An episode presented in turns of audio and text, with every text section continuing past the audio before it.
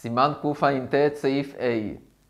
בסעיף A נלמד בעזרת השם שכאשר אורחים מתארחים על שולחנו של בעל הבית, ובעל הבית מגיש להם כל מיני פירות,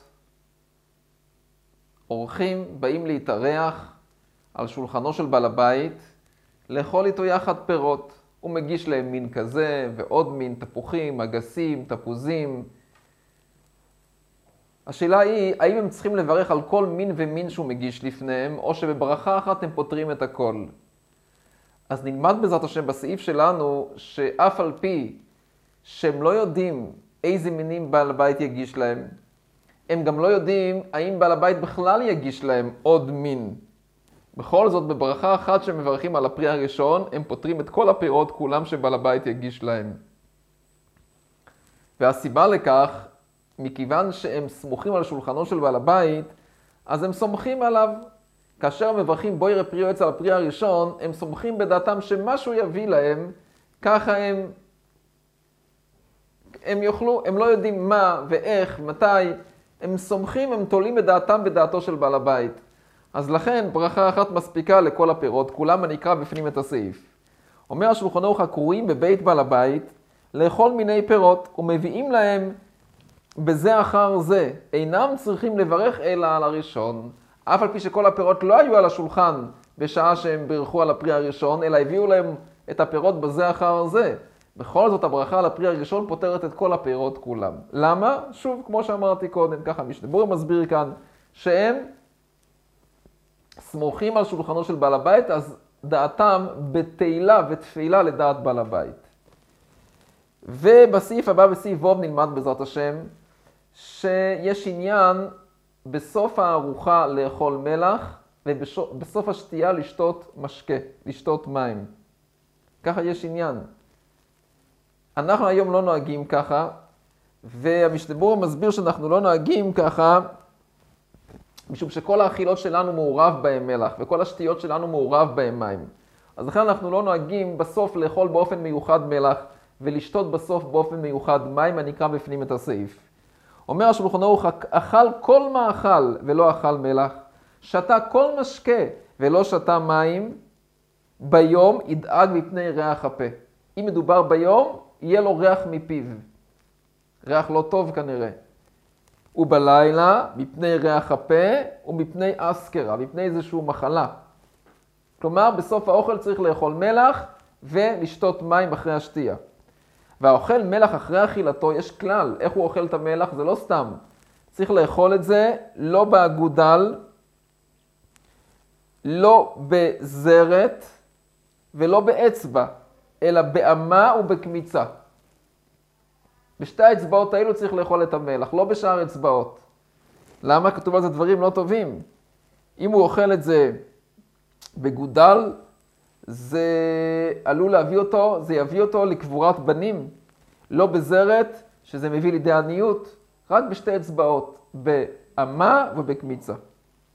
וכמו שאמרתי, הרמו אומר כאן שאנחנו לא נוהגים ככה, כיוון שאנחנו בלאו הכי מסביר המשנה ברורה, וכל האכילות שלנו המאכלים שלנו מעורבים במלח, המשקאות שלנו מעורבים במים, אז לכן לא צריך באופן מיוחד לשתות אחרי השתייה מים ולאכול אחרי האכילה מלח.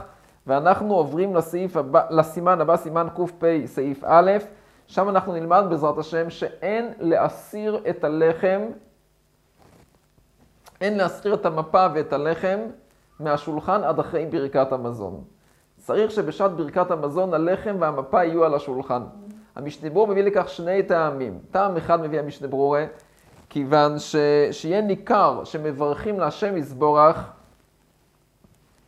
על כל טובו הגדול שהכין מזון לכל בריאותיו. אז צריך שהלחם יהיה על השולחן. כאשר הלחם נמצא על השולחן, אז זה ניכר שמודים לקודש ברוך הוא על כל טובותיו שהוא עשה איתנו, שהוא נתן לנו את הלחם לאכול.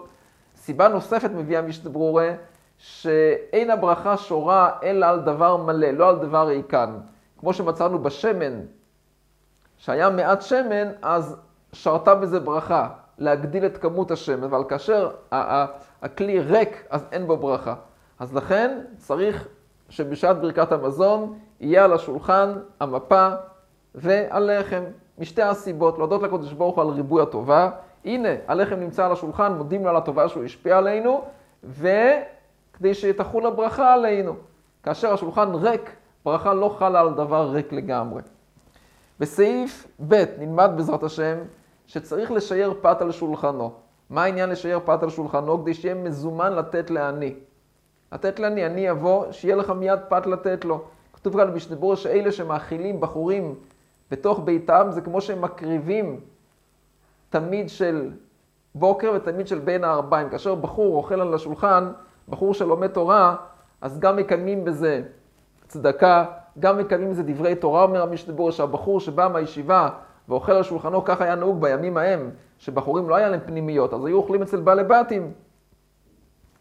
ואותם בעלי בתים שהיו מארחים את הבחורים, אז היו מקיימים בזה גם מצוות צדקה, גם מצוות לימוד תורה, הבחור היה מדבר בדברי תורה על השולחן, והמשדבור מביא כאן שזה כמו שאדם מקריב תמיד של בוקר ותמיד של בין הערביים, כשהוא אוכל אצלו בבוקר והוא אוכל אצלו בין הערביים. אני אקרא את הסעיפים. אין להסיר המפה והלחם עד אחר ברכת המזון. סעיף ב' כל מי שאינו משייר פת על שולחנו אינו רואה סימן ברכה לעולם, אבל לא יביא פת שלמה ויתנה על השולחן. שלא יביא פת מיוחדת כדי לתת על השולחן. צריך לשייר פת על השולחן, אבל לא להביא פת. להביא פת זה נראה כמו עבודת כוכבים, זה לא טוב. סעיף ג' קודם שייטול ידיו יכבד הבית, שלא יישארו שם פירורים וימאסו במים של נטילה. שיכבד, שהמים האחרונים לא ייפלו על הפירורים והם ימאסו. אף על פי שמותר לאבד פירורים שאין בהם כזית, נו אז מה הבעיה? שהמים האחרונים ישפכו על הפירורים, פירורים שאין בהם כזית מותר לאבד אותם. חוששים אומר השולחן אורך שמא שמע שיהיה עם הארץ, והוא לא ידע שרק פירורים פחות מכזית מותר, אבל פירורים שיש בהם כזית אסור, ואז הוא יביא לידי עיבוד אוכלים וזה דבר לא טוב.